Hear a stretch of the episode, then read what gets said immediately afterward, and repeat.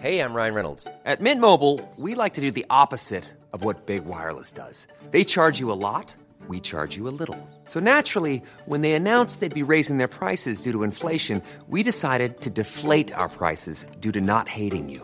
That's right. We're cutting the price of Mint Unlimited from $30 a month to just $15 a month. Give it a try at mintmobile.com slash switch. $45 upfront for three months plus taxes and fees. Promo rate for new customers for limited time. Unlimited more than 40 gigabytes per month. Slows. Full terms at mintmobile.com. Hey, I'm Ryan Reynolds. Recently, I asked Mint Mobile's legal team if big wireless companies are allowed to raise prices due to inflation. They said yes. And then when I asked if raising prices technically violates those onerous two-year contracts, they said, "What the f*** are you talking about? You insane Hollywood ass." So to recap, we're cutting the price of Mint Unlimited from $30 a month to just $15 a month. Give it a try at mintmobile.com slash switch. $45 upfront for three months plus taxes and fees. Promo rate for new customers for limited time. Unlimited more than 40 gigabytes per month. Slows. Full terms at mintmobile.com.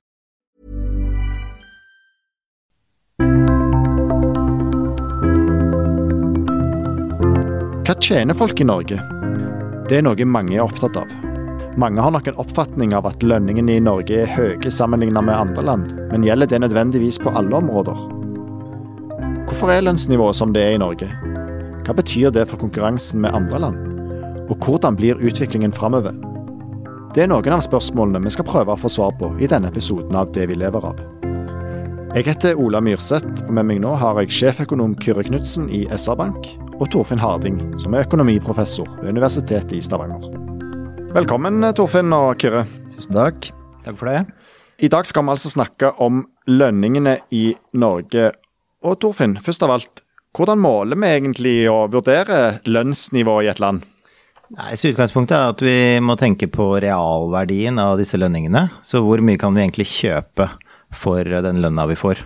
Og i utgangspunktet så er jo det å ha høy lønn positivt. Eh, og jo mer jo flere Big Mac-er vi kan kjøpe, eller jo flere biler vi kan kjøpe, eller flere sykehustjenester for den saks skyld, eh, vi kan kjøpe for lønna vår, jo bedre er det. Problemet er jo at eh, hvis vi skal konkurrere med utlandet, så må jo de betale tilsvarende eh, antall Big Mac-er og biler og sykehustjenester for våre arbeidstjenester, da kan du si. For våre arbeidstimer. Og da Hvis du da har veldig god lønn, god kjøpekraft, så er speilbildet av det at du ikke er spesielt konkurransedyktig i utlandet. Mm. Så kommer jeg litt tilbake til flere av de tingene du nevnte der etter hvert. Men jeg tenkte allerede nå jeg skulle stille deg det spørsmålet som egentlig er den overordna problemstillingen da for eh, denne episoden. Så, så, kan vi utdype og nyansere litt etter hvert. Men har vi et høyt lønnsnivå i Norge? Det vil jeg si. Vi er jo et av verdens rikeste land. Eh, vi har høy verdiskapning per innbygger. Og verdiskapning per innbygger er jo på en måte et uh, uttrykk for uh, gjennomsnittslønna. Uh, så gjennomsnittlig BNP per innbygger f.eks. er jo en slags gjennomsnittsinntekt per innbygger. Gjennomsnittslønn per innbygger. Og vi, ja, vi har god verdiskapning i Norge per innbygger, og vi har derfor også et høyt lønnsnivå. Kyrre, hvorfor har lønnsnivået betydning? Nei, det, Som Torfinn sier, så for, for folk som jobber, eller for alle som skal kjøpe noe, så, så fortell oss noe hvor mye, liksom. Hvor mye kan du kjøpe? Hva, hva har du råd til? Eh, og, og, da må du ta, se på lønnsnivået, så må du selvfølgelig se på liksom, prisnivået i det landet. Hvor, hvor, mye koster de ulike varene og tjenestene. Eh, og så er jo andre siden av dette er jo liksom bedrifter og på en måte offentlig sektor som ansetter folk, og som skal da produsere varer og, og tjenester. Eh, og da eh, er det klart at eh, hvis du skal produsere om det er et fat med olje, eller en skoletime, eller en time med Torfinn på universitetet, så er det en kostnad. Så da er det litt sånn at hvis du har et høyt lønnsnivå, så blir jo gjerne den kostnaden for å lage noe dyrere. Eh, litt avhengig av hvor produktive du er, selvfølgelig. Eh, men, og da hvis du skal selge det i felles markeder, altså hvis Norge skulle f.eks. begynt å lage biler nå plutselig, så måtte jo det konkurrert med tyske biler der gjerne lønnsnivået er vesentlig lavere enn i Norge. Så, eh, så lønnsnivået er viktig. Og så er det òg sånn at um, lønnsnivået henger jo litt sammen, da, selv om det er jo på en måte forskjeller mellom privat sektor, offentlig sektor, ulike deler av privat sektor og sånn. Så er det sånn at det er, i et land så er det normalt noen sammenhenger mellom lønnsnivå i ulike bransjer òg, rett og slett fordi at folk kan jo, en god del kan jo bytte jobber. Du Torfinn, går det an å si noe om hva det er som gjør at Norge har et høyt lønnsnivå? Så Hvis vi tar utgangspunkt i verdiskapning, da, så vet vi jo etter hvert ganske mye om hva som gir høy verdiskapning i et land. Eh, det gjelder å ha mye fysisk kapital, altså veier, bygninger, eh, infrastruktur av type bredbånd osv. Eh, det gjelder å ha en godt utdanna befolkning. Så god utdanning, godt utdanningssystem, den type ting. Og det gjelder å ha tilgang til god teknologi, ideer god organisering, som f.eks. gode institusjoner som sørger for at ja, man får insentiver til å jobbe og investere osv. Altså men den pakken av, disse tingene, altså fysisk kapital, humankapital og um, teknologi, da kan vi kalle det, um, sammen, gjør, um, dette, sammen gir dette verdiskapning. Uh, og vi har uh, mye fysisk kapital, det vet jo alle som har uh, vært i Norge. og vi har god utdanning, og vi har også tilgang til Eh, god teknologi. Eh, teknologi flyter jo typisk fritt mellom land, og vi har arbeidskraft som klarer å ta i bruk teknologien. Så alle disse tingene gjør at vi klarer å skape mye, da. Og skape mye per innbygger, om du vil. Og det, som jeg sa i stad, det gir jo eh, et høyt inntektsnivå i gjennomsnitt per innbygger. Hvilke andre faktorer er det som påvirker konkurranseevnen? Det er klart at Konkurranseevnen påvirkes jo selvfølgelig også av kronekursen. Og eh, der er det jo sånn at den, den svinger jo ganske mye. Ehm, vi hadde jo et fastkursregime, prøvde oss på det for en del år siden. Det falt i, på 90-tallet. Ehm, sånn at eh, når vi da måler liksom konkurranseevne ut mot de vi trenger ikke ta tyske bilprodusenter, men tysk industri da, som konkurrerer med norske industribedrifter, så betyr jo kronekursen veldig mye da, hvis du har kostnader, de fleste kostnadene i Norge, og så selger du produktet ditt i valuta. Så kronekursen er viktig, den svinger mye. Det har jo gjort at den svekkelsen vi har sett uh, siden måte, oljetoppen i 2014-2015, har, gjort at, uh, har jo vært liksom, bedre konkurranseevnen for norske produkter i utlandet. Ellers er det òg at sånn produktivitet er jo enormt viktig. Noen ganger så pleier jeg å si at det ikke lønna som er det liksom viktigste, fordi at det er summen av lønn og måten du produserer det på. Eh, og som Torfinn sa, så er det liksom sant, dette med teknologi, f.eks. Hvordan anvender vi teknologi. Det er klart at den dagen når bonden gikk fra eh, spade til traktor, så økte jo hans produktivitet eller sant, hans eh, utbytte enormt mye med den samme arbeidsinnsatsen. Og eh, i et land med høyt lønnsnivå så jeg sier jo at det er en utfordring, men det er jo en mulighet òg, for dette på en måte så blir du tvungen til å være mer innovative, nysgjerrige på hvordan du kan bruke arbeidskraften bedre, enn hvis du er et land med veldig mye tilgang på billig arbeidskraft. Og det ser vi jo litt på sektorer i Norge òg. Altså de sektorene der det har kommet mye Altså vært god tilgang på arbeidskraft. altså Hvis du har bygg og anlegg f.eks. etter åpningen av EU og Schengen og sånn, så ser du at der har på tilgangen på, på arbeidskraft eh, vært såpass god at det har eh, har, eller Et resultat er antageligvis at produktivitetsveksten i den sektoren, sånn som vi måler produktivitetsvekst, ikke har vært veldig høy. I Norge er det mye snakk om det såkalte trepartssamarbeidet. og Det blir ofte framhevet som en suksess i det norske arbeidslivet. og Det er da samarbeidet mellom arbeidsgivere, arbeidstakere og staten. Torfinn, i hvilken grad er konkurranseevne en faktor i dette trepartssamarbeidet? Så trepartssamarbeidet er som du sier veldig sentralt uh, for norsk makroøkonomi, egentlig. Og um, har jo um, veldig bred støtte. NHO, LO, regjeringen Eh, inngår i det trepartssamarbeidet. Eh, på 90-tallet f.eks., da Norge var i en eh, ganske betydelig økonomisk krise, så ble jo solidaritetsalternativet, hvor trepartssamarbeidet var viktig, hylla da for at man klarte å holde tilbake lønnsveksten og kostnadsveksten i forhold til handelspartnere. Det blir sett på som veldig viktig. Den retorikken på en måte henger fortsatt igjen. Man kan jo lure på hvor relevant det er nå, i hvert fall i forhold til tidligere, eh, all den tid vi nå har flytende valutakurs, og sånn som Kyrre sier, eh, valutakursen er veldig viktig for eh, den konkurranseevnen vi har i forhold til utlandet.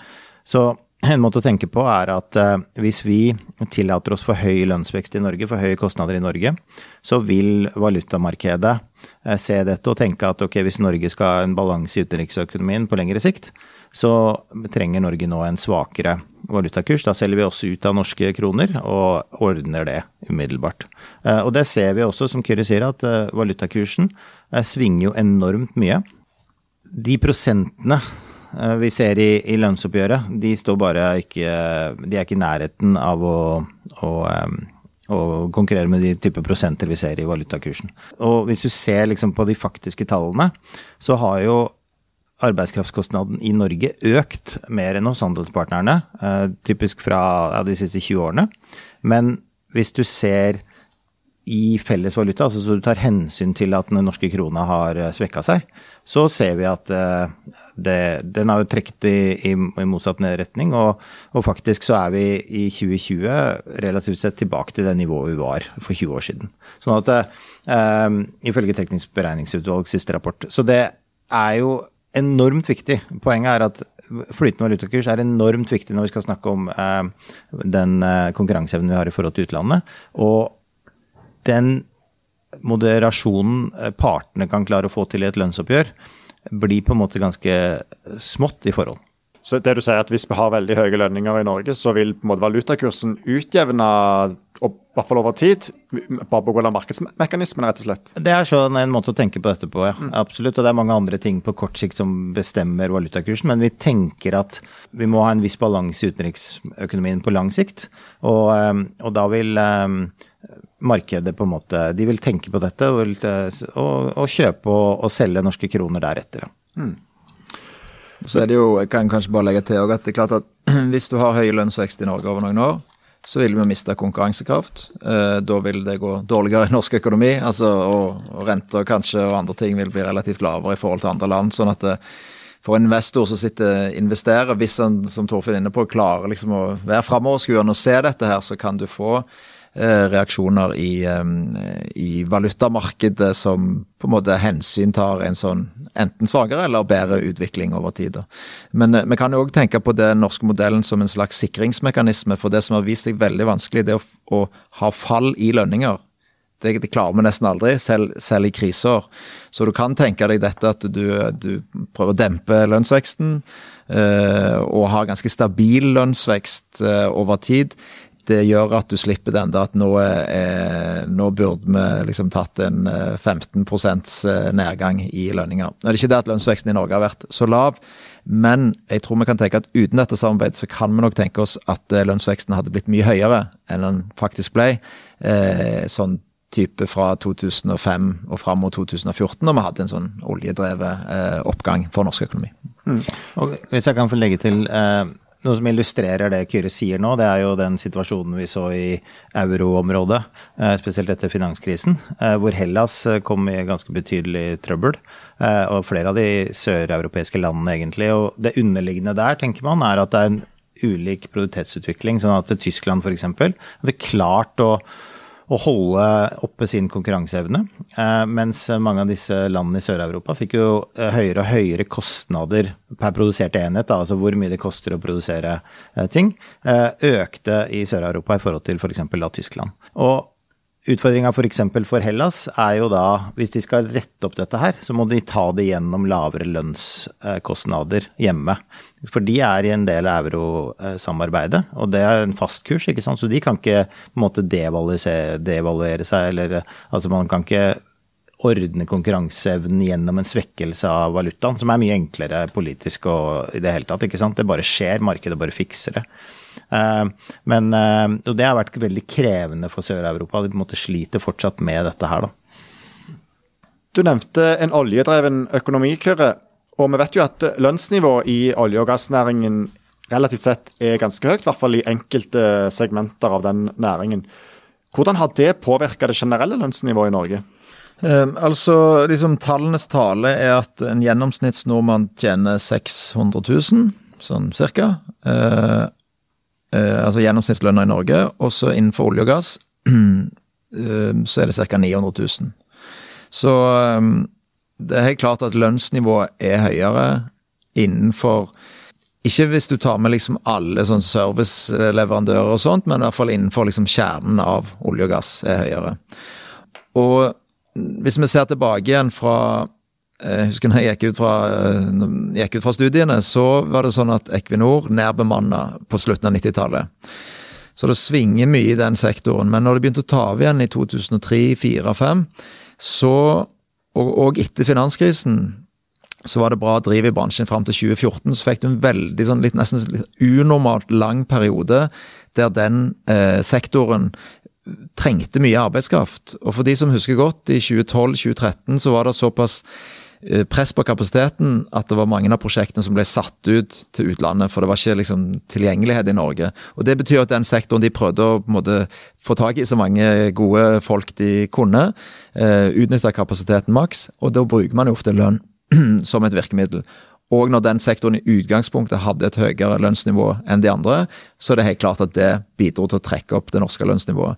Og vi husker også tilbake fra 2012-2013 at det var en ganske stor debatt om denne todelingen i norsk økonomi som ble leda an av olje og gass, der det var liksom bra driv og høyest vekst og høyest eh, lønnsvekst og sånn, Mens en del av de andre, du kunne ta de andre industrikonkurrentene, da, som da ikke hadde samme liksom oljedrevet vekst, de måtte konkurrere med de samme på en måte tyske industriselskapene som før. Så um, um, det er klart at eh, det, det har dratt opp lønnsnivået i snitt i Norge, rett og slett fordi at selv om du jobba innenfor andre sektorer, så kunne du eh, bevege deg inn mot olja, eh, og de var interesserte og, og, ansatte mye på et tidspunkt. Så ble det jo satt litt i revers i 2015, 16 og 17, eh, men det vi ser òg der, at liksom det er på en måte lønnsstivheter som gjør at det ikke er sånn at lønna faller så mye at alle får jobb. sant? Så det var jo en 50 000-60 000 som mista jobben, dessverre. Rett og slett fordi, som jeg var inne på, at det, det er ikke så lett å få justert lønna liksom, i løpet av et år eller to eller tre. Så, og fortsatt også er lønna eh, betydelig høyere i den sektoren. I hvert fall for de liksom, produsentene og de som sitter litt nær på kjernen, eh, enn det generelle lønnsnivået i Norge. Er det da en forstyrrelse for det norske arbeidsmarkedet at oljebransjen ikke er jevna. for å si det sånn, Du nevner at det er press i enkelte perioder, og så det, faller det veldig i enkelte perioder. og Man snakker ofte om det at man bør planlegge bedre, og denne nedgangen skal man bruke til å bli bedre på dette. Mm. Er det en slags forstyrrelse i arbeidsmarkedet? Eh, det er i hvert fall For et land som Norge, der den sektoren har vært såpass stor, så er det klart at det er en enormt viktig faktor å ta hensyn til i Norge. Eh, og det, var jo derfor jeg nevnte det med uh, todelingen av norsk økonomi. Det var mye fokus på det, men det er ikke så, er ikke så lett å gjøre så mye med det heller. Uh, og det er ikke Bransjen er syklisk. Det vi kan håpe på framover, er at du får flere bein å stå på, og at de beina ikke svinger helt likt. sant? Altså, Hvis du nå får, hvis du har olje og gass, og så får du et bein innenfor fornybar energi, så gjør du gjerne noe på havbruk. Hvis du tenker havbruk, da, så er det sånn at hvis oljeprisen faller, så er det typisk sånn ok, norske kroner blir eh, svakere, mindre verdt. Da vil den laksen som du produserer, den vil, vil jo eh, få, få, flere kroner for den laksen. Så det jeg tror for selskapene òg blir det interessant å se på hvordan du kan lage en forretningsmodell som er litt bredere. Fornybar energi, i hvert fall sånn som det ser ut nå, har jo òg en god del lengre kontrakter, noe mer sånn stabilitet i aktivitet og inntjening. Eh, I hvert fall sånn som det rigges nå med en del av, eh, av eh, f.eks. disse vindkontraktene og sånt som, som Men det er klart at denne, det er forskjell mellom investerings- og oppbyggingsfasen og driftsfasen òg, da. For olje og gass så har du en faktisk ganske stabil driftsfase, og det betyr at hvis det nå blir litt roligere på ny, nybygginger noen år ned i veien, så vil du mer lene deg mot driftskostnader, og de er normalt mer stabile. Jeg syns det er et viktig perspektiv å få fram, da, som vi starta med innledningsvis. ikke sant? Eh, at høye lønninger er positivt. Og eh, Så det er ulempe for konkurransekraft, ja, men det er fordel å få høy lønn. Det skjønner alle som jobber. Og eh, det er klart at når f.eks. valutakursen svekker seg, det illustrerer jo veldig godt at vi blir et fattigere land i forhold til andre land. ikke sant? Det er en sånn slags kollektiv reallønnsnedgang. og med en gang du drar på ferie, så merker du det. At oi, vi har visst blitt fattigere her. Sånn at det er jo positivt at man har klart å få opp lønnsnivået. Utfordringa er selvfølgelig å samtidig da være konkurransekraftig, all den tid vi ønsker å ha noe industri som selger til utlandet, f.eks. Men det er jo også, hører med til historien her, at når man kunne utvinne olje, selge det til utlandet, skaffe seg valuta på den måten, så kunne man også flytte over arbeidskraft til andre sektorer. Eh, Vi trenger ikke da bruke så mye arbeidskraft til eh, å produsere eh, ting som kan eksporteres, da. Så det er liksom, Man må ikke glemme dette, at det, at det har på en måte vært en positiv ting, og det er optimalt på et vis da, for norsk økonomi å bruke arbeidskraft da andre steder for en periode. Mm. Så er det, bare for å legge til den reisen som vi har vært gjennom eh, Gjennom oljealderen og en del eh, andre ting med norsk økonomi òg, men det er klart at på begynnelsen av 70-tallet så var vi liksom 20 fattigere enn svenskene. Nå er vi 20 rikere enn svenskene. Og svenskene har blitt ganske mye rikere på veien, de òg. Og, og det er måte, veldig mye bra med liksom den generelle velstandsøkningen som òg, som Torfinn sier, eh, i hvert fall når du er lønnsmottaker, så er det veldig hyggelig med, med høye lønninger. Men så er det dette må balanseres òg mot hvordan liksom økonomien skal, og, og, bedriftene skal fungere framover òg, om man klarer å opprettholde konkurransekraft. For utfordringen er jo at hvis du ikke liksom er konkurransedyktig ute i internasjonale markeder, så er det jo en fare for at uh, ja, eh, norske arbeidsplasser, eh, både de direkte innenfor eksport, men òg litt sånn indirekte for norsk økonomi, kan møte større motstand. Og eh, vi ønsker òg å ha gode muligheter for å skape nye jobber framover. Ok, Da har vi altså slått fast at Norge generelt sett har et høyt lønnsnivå. Men er det noen områder hvor vi relativt sett ikke har et eh, mye høyere lønnsnivå enn andre? Kan du si noe om det? Så En ting som det snakkes om en del, er jo dette at høyt utdannet arbeidskraft er relativt uh, rimelig i Norge. At det vi kaller i faget en sånn Eh, premium, premie da, på å ta utdanning. Altså du får en ekstra Du får høyere lønn fordi du har høyere utdanning. Den, den ekstra eh, Det ekstrabeløpet, for å si det sånn, er ganske lavt i Norge i forhold til en del andre land. Eh, og en refleksjon av det er jo at forskjellen mellom høyt utdanna og lavt utdanna er ikke så stor. Vi har ikke så stor inntektsulikhet. Og det betyr også at det å bruke da høyt utdannet arbeidskraft er relativt rimelig i Norge. Det kan også bety at vi er da relativt sett ganske konkurransedyktige når det gjelder å utføre litt mer krevende oppdrag da, for verdensøkonomien, for å si det på den måten. At uh, det å ansette da uh, ingeniører eller uh, folk med mastergrad i Norge er relativt billig i forhold til andre land. Det kan være et konkurransefortrinn. Mm. Går det an å si noe om hvorfor det er sånn? Det er jo et eh, stort spørsmål. Eh, det er mange som eh, har skrevet mye om det. Jeg tror en viktig mekanisme er nok dette med Altså, det er noe dypt her med, med noe aversjon mot ulikhet, selvfølgelig. Men det er jo også mange som påpeker at lønnsoppgjørene, at de er sentrale, har holdt dette litt i sjakk, da. At de høyt utdanna, de de eh, Kanskje hadde vært sånn, eh, jeg er ikke ekspert på dette, kanskje hadde vært sånn at partene i lønnsoppgjørene har vært relativt mer opptatt av de med litt eh, lavere lønn enn de med litt høyere lønn. ikke sant? Og man, ved at alt dette er koordinert, så holder man på en måte lønnsveksten for de høyt utdanna litt i sjakk, da. Men ja, det er et stort spørsmål. Mm. Jeg tror det viktigste er bare å si at gjennomsnittet i Norge er blant de høyeste i verden. Mm. Eh, men som Torfinn sier, med en gang det er høyere utdanning eh, involvert eh, den kan være formell, men den kan òg på en måte være uformell. Sånn at det man f.eks.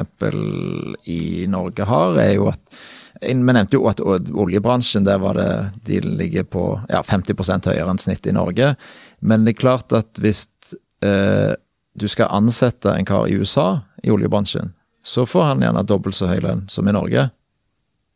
Eh, så ingeniører eh, og alt med nye som skjer innenfor digitalisering eh, eh, En del av disse gruppene som internasjonalt, kanskje særlig i USA, delvis òg i England òg, har jo mye større lønnsforskjeller enn i Norge. så så er det bedre betaling for de der. Selv om vi i snitt er høyt i Norge, så er kan man si kanskje at de høyt eh, lønna i Norge, de er i en internasjonal sammenheng så har ikke de høye lønninger. Hva implikasjoner kan det ha, da, både positive og negative, at uh, høyt utdanna folk relativt sett har uh, lavere betalt i Norge, da? Eh, nei, det positive er, er jo at vi, da er vi på en måte i, liksom, um, utgangspunktet sånn høyt i verdikjeden med, med bedrifter som som er i internasjonal konkurranse. Det skjer mye forskning og utvikling. Sånn at uh, du får jo en uh, hva skal vi si, bill, relativt sett billig tilgang i Norge da, til velutdanna folk. Og det er, det er i utgangspunktet bra. Selv om vi snakker om at snittet er litt dyrt, så er det sånn at den, den på en måte høyt kompetente gjengen den er kanskje ikke så dyr i forhold til hvis du skulle starte et annet land. Eh, men ulempen her er jo at det drar opp måte, gjennomsnittet for Altså drar med seg eh, resten av norsk økonomi òg. Og da betyr det at for de som har eh, lavere lønninger i Norge, de har egentlig for høye lønninger i forhold til liksom, hva produktivitet de har, hvor mye de liksom, produserer. Så der skaper det noen brytninger. Og så er det også sånn at hvis disse, alle med høy utdanning i Norge finner ut at oi, jeg får jo mer betalt hvis jeg drar utenlands, så kan du få en slags sånn skjevhet i arbeidsstyrken over tid. da, og på en måte verden blir jo mer global. Eh, det blir lettere å, å, flytte mellom land og få jobber. Norge har jo på en måte hatt veldig mye sånn, vi var veldig vant til å få inn ny arbeidskraft de siste 15-20 åra. Men vi må være litt oppmerksom på at det kan snu, da, hvis, hvis arbeidstakerne blir oppmerksomme på muligheten ute. da. Kyrre, vi snakker jo mye om det grønne skiftet her. og det er jo på en måte et segment hvor det er behov for uh, kompetansearbeidsplasser, som bl.a. ingeniører. da. Betyr det at denne lønnsstrukturen som vi nå har snakket om i Norge, faktisk kan være et konkurransefortrinn i det grønne skiftet? Eh, ja, det tror jeg. Altså hvis man tenker at um, hvis olje og, og, gass etter hvert blir lavere aktivitet, mindre produksjon, så blir det en del ledige ressurser, da. Så akkurat nå er det ganske press på ingeniører i Norge. Ledigheten der er nokså lav.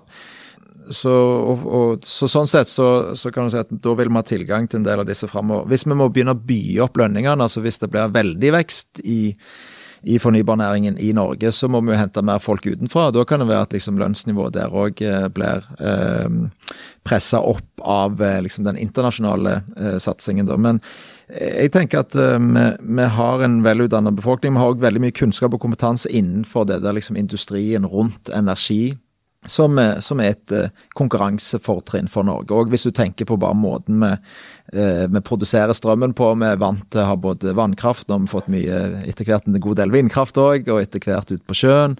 Vi har eh, olje og gassen, det er fokus på batterifabrikker, det er datalagring. Altså Det er så mye som skjer nå, som, eh, som jeg tenker summen av dette, den kompetansen som finnes innenfor eh, norsk næringsliv, den er eh, høy på dette området. Og så vil det nok være ganske høy konkurranse og, mellom land òg om å ta inn posisjon her. Og en del av denne, eh, det grønne skiftet vil nok være altså energiproduksjon nærmere forbrukeren òg. Sånn at der vi har hatt et fortrinn med å produsere olje og gass i Norge, kan sende det ut til alle verdens markeder, så kan det godt være at man i større grad vil ha produksjonen nærmere. Men det betyr at man må satse mye på å bli flinke til å, å produsere de tingene, varene, tjenestene, teknologien som skal til da, for at andre skal kunne bygge ut sin energiproduksjon nærmere markedene. Jeg tror vi nærmer oss slutten her, men eh, til slutt, Torfinn, går det an å spå noe om hvordan lønnsnivået i Norge eh, vil utvikle seg framover? Spåing er eh, krevende. Eh, økonomer er ikke spesielt mye bedre på det enn andre. Men eh, det er jo Vi har, er på et godt nivå. Altså de fundamentale ingrediensene i verdiskapning har vi i stor grad på plass. Altså vi har um, høy fysisk kapital, altså mye kapital som er bygd opp. Vi har god teknologi, vi har godt utdanna befolkning. Men det vi må tenke på, er jo hvordan vi holder produktiviteten oppe og gjerne får til mer produktivitetsvekst. Vi har hatt eh, lav produktivitetsvekst de siste ti årene, i hvert fall. Nå er for så vidt ikke Norge aleine om det, det er mange vestlige land som har hatt det. Men det er liksom den store utfordringa, og det er det som på lang sikt kommer til å eh, bestemme hvor høyt inntektsnivå vi har, og da også en annen måte å si det på, hvor høyt lønnsnivå vi klarer å leve med. Litt sånn uh, enkelt så kan man tenke seg at uh, lønnsnivået vil normalt ta utgangspunkt i inflasjonen. Der har Norges Bank et inflasjonsmål på 2% Og så, som Torfinn sier, hvis man vil ha mer enn 2% så, eh, så må man jobbe med produktiviteten. Så hver og en kan liksom tenke for hvert år. Ble jeg f.eks. 1% mer produktiv det siste året, så kan jeg kanskje få 2 for inflasjon og opp mot 1 for eh, økt produktivitet. Så de tingene må, eh, må henge sammen. og så Da kan man kanskje havne på en 2,5-3 hvis produktivitetsveksten er positiv. Jeg tror det ble dagens eh, da vil jeg bare si takk til deg, Kyrre, og deg, Torfinn, for at dere var med i dag. Tusen takk for det. Takk. Med det tar det vi lever av en litt lang sommerferie. Men følg med der du hører på podkast for nye episoder etter hvert. Jeg heter Ola Myrseth. Kjekt at du hørte på.